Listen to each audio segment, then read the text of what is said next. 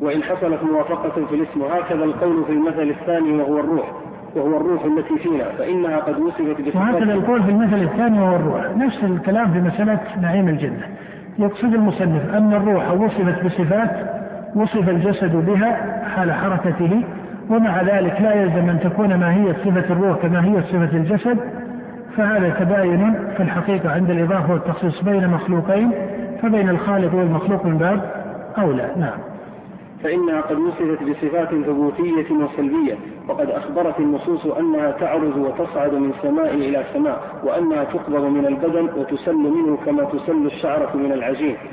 والناس مضطربون فيها فمنهم طوائف من أهل الكلام يجعلونها جزءا من البدن أو صفة من صفاته كقول بعضهم إنها النفس أو الريح التي تتردد في البدن وقول بعضهم إنها الحياة أو المزاج أو نفس البدن. ومنهم طوائف من أهل الفلسفة يصفونها بما يصفون به وحي الوجود عندهم وهي أمور لا يتصف بها إلا ممتنع الوجود فيقولون لا هي داخل البدن ولا هذه طريقة ابن سينا وله قصيدة مشهورة في هذا هبطت إليك من المحل الأرفع إلى آخره. فهذه طريقة هؤلاء المتفلسفة أنهم يعظمون مقام الروح ويجعلونها أو يصفونها بما يصفون به واجب الوجود. وفي الجملة الكلام في الروح جمهوره لا أصل له. إنما الذي يقر به من مسألة الروح أنها مخلوقة وأنها تقوم بالجسد وأنها تتصل بما وصفها الله به وأن لها حركة تناسبها وأنها تقبض إلى آخره. وأما الزيادة على ذلك فإن هذا من باب التكلف والله يقول قل الروح من أمر ربي. ولذلك لا ينبغي الزيادة والنظر في مسألة الروح وليست هي من المسائل التي عني الأئمة المتقدمون من الصحابة ومن بعدهم بالتتبع لتفصيلها وليست هي من العلم الشريف يعني التفصيل لا ولا الإحاطة بذلك هو موجب الهداية أو عدم الإحاطة هو موجب الضلالة. ولذلك لو كان الإحاطة بتفصيل العلم بها هو موجب الهداية لبينه الله لما قال لنبيه ويسألونك عن الروح فعلم أن عدم العلم بتفصيلها لا يوجب ضلالهم عند الحقيقة إلا أن يكون مكابرة منهم. ومما ينبه إليه أن ابن القيم رحمه الله في كتابه الروح آه، وإن كان رد ردا حسنا على بعض الأقوال الفلسفية وغيرها إلا أنه زاد في التوسع في مسألة الروح وقال أقوالا آه، هي نعم تخالف قول المتفلسفة لكن لا يلزم أن تكون هي أيضا صحيحة. فهذا البحث في كتاب الروح في كثير من كلام ابن القيم فيه لا أرى أن أن له أهمية أصلا ولعله كان الأفضل أن لا يبالغ في هذا التفصيل. لا يبالغ في هذا التفصيل إنما الروح فيها حقائق عامة أنها موجودة أنها مخلوقة من خلق الله أنها تتصل بصفات تناسبها إلى غير ذلك. وما جاء في سياقها من نصوص الكتاب والسنة والحقائق العامة المعروفة بالعقل والحس أما ما زاد على ذلك من التكلفات ونظام الروح وما إلى ذلك هذا كله نوع من التخيل ليس إلا. نعم.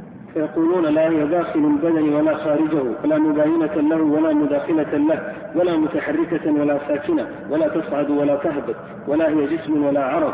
وقد يقولون إنها لا تدرك الأمور المعينة والحقائق والحقائق الموجودة في الخارج وإنما تدرك الأمور الكلية المحيطة وهذا ما يزعمون أنه حق واجب الوجود تعالى الله عن ذلك ولذلك ابن سينا يقول إن الله يعلم الأشياء علما كليا ولذلك نسب المتفلسفة إلى أنهم ينكرون علم الله بالجزئيات. أليس كذلك؟ مع أنك تجد في كلام ابن سينا أنه يقول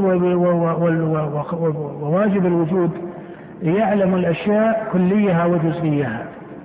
هذه تجدها في نصوص ابن سينا مع أنه ينسب إلى مذهبهم أن الله لا يعلم الجزئيات. مع أنه في كلام ابن سينا يقول وواجب الوجود يعلم الأشياء كليها وإيش؟ وجزئيها. هذا ليس أن ابن تيمية كذب عليهم إنما من باب أنه يقول يعلم الأشياء كليها وجزئيها بعلم كلي. هذا هو مقصود بن سينا أنه يقول إن الله يعلم الأشياء كلية وجزئية بعلم جزء بعلم كلي. وإلا هو لا ينفي العلم بالجزئيات على المعنى البسيط الذي قد يتبادر للذهن. إنما يقول إنه يعلم الأشياء كليها وجزئيها هذا نص كلام له في التعليقات والإشارات والتنبيهات وفي في كتاب الشفاء وغيرها من كتب يصرح أن الله يعلم الكليات والجزئيات لكن يقول إنه بعلم كلي لأنه يمتنع عنده مسألة الفعل والمشيئة وورود الأفعال وتعلق الفعل بالمفعول إلى غير ذلك كل هذا تحصيل للتجريد عنده. لماذا قال ابن سينا بهذا الكلام؟ إنه لا يعلم الجزئيات على هذا الوجه من العلم المعقول لأن هذا من باب عنده التحقيق للتجريد الذي هو التعطيل في حقيقته. نعم. ربما قالوا ليست داخلة في أجسام العالم ولا خارجة عنها مع تفسيرهم بما, بما يقبل الإشارة الحسية فيصفونها بأنها لا يمكن الإشارة إليها ونحو ذلك من الصفات السلبية التي تلحقها بالمعدوم. وهم يزعمون أن هذا تشريفا لها لأن واجب الوجود عندهم كذلك. وإذا قيل لهم وإذا قيل لهم إثبات مثل, مثل هذا ممتنع في ضرورة العقل قالوا بل هذا ممكن بدليل أن الكليات ممكنة موجودة وهي غير مشار, مشار إليها. هذه الفلسفة العقلية التي كانت بين أرسطو وبين أفلاطون وما يسمى بالمثل الأفلاطونية. وهي مسائل الكليات أن ثمة كليات مجردة موجودة قائمة في الخارج والحقيقة أنه لا يوجد في الخارج إلا المعينات. أما الكليات المجردة فليس لها ماهيات قائمة بنفسها موجودة. نعم. وقد غفلوا عن كون الكليات لا توجد كلية كلية إلا في الأذهان. نعم لا توجد كلية إلا في الأذهان. نعم الكليات موجودة وجودا ذهنيا أي معقولة ومعلومة. أما أنها معينة في الخارج فلا يوجد في الخارج إلا المعينات. نعم. فيعتمدون ما يقولونه في المبدأ والمعاد على مثل هذا الخيال الذي لا يخفى فساده على غالب الجهال. واضطراب النفاة والمثبتة في الروح كثير وسبب ذلك أن الروح التي تسمى بالنفس الناطقة عند الفلاسفة ليست هي من جنس هذا البدن ولا من جنس العناصر والم... والمولدات. والمولدات منها بل هي من جنس العناصر هي الأشياء الأولى. ثم يختلفون في ما هي العناصر منهم من يقول الهواء والماء ومنهم من يزيد النار إلى غير ذلك. هذه العناصر أي المبادئ الأولى لوجود الأشياء في تقرير الفلسفة. ثم المولدات من هذه العناصر وهي المركبات من عنصرين فأكثر. فيقول المصنف إن الروح عند هؤلاء ليست هي الجسد ولا هي العناصر ولا هي مولدة من العناصر فإنما هي من باب العالم الآخر الذي لا يستطيعون كشفه. نعم.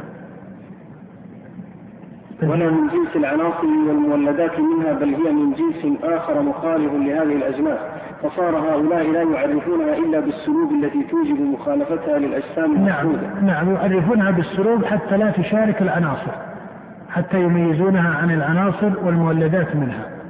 نعم.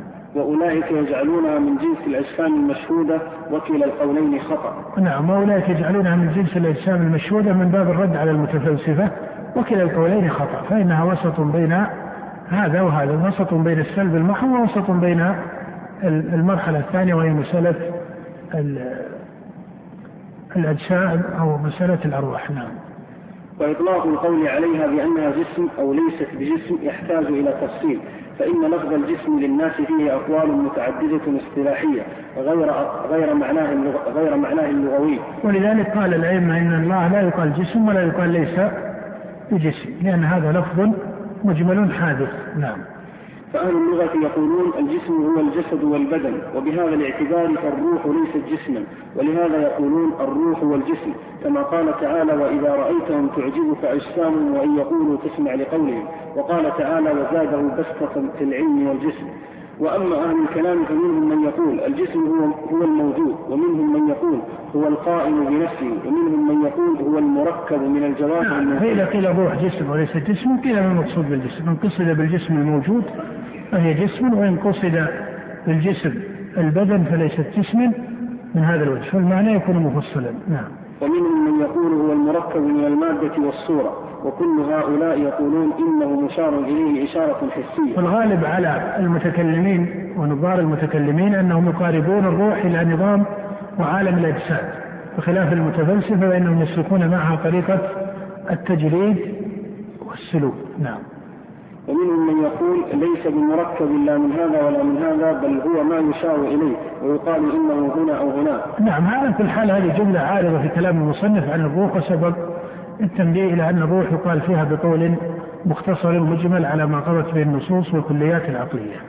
فعلى هذا فعلى هذا إذا هذا هو نتيجة المثل فعلى هذا هذا نتيجة المثل فعلى هذا إذا كانت الروح مما يشار إليه ويتبعه بصر الميت كما قال النبي صلى الله عليه وسلم إن الروح إذا خرج تبعه البصر وإنها تقبض ويعرج بها إلى السماء كانت الروح جسما بهذا الاصطلاح. والمقصود أن الروح إذا كانت موجودة حية عالمة قادرة سميعة بصيرة تصعد وتنزل وتذهب وتجيء ونحو ذلك من الصفات ونحو ذلك من الصفات. والعقول قاصرة عن تكييفها وتحديدها لأنهم لم يشاهدوا لها ما والعقول قاصرة عن تكييفها فمن باب أولى عن تكييف صفاتها. وهذا بين فإنك إذا قلت لقائل كيف الروح تصعد وكيف تنزل لا يستطيع أن يعطيك إيش؟ علما مفصلا بالكيفية. قال فإذا كانت العقول قاصرة عن تكييفها فمن باب أولى أن تكون العقول قاصرة عن تكييف إيش؟ عن تكييف صفات الله؟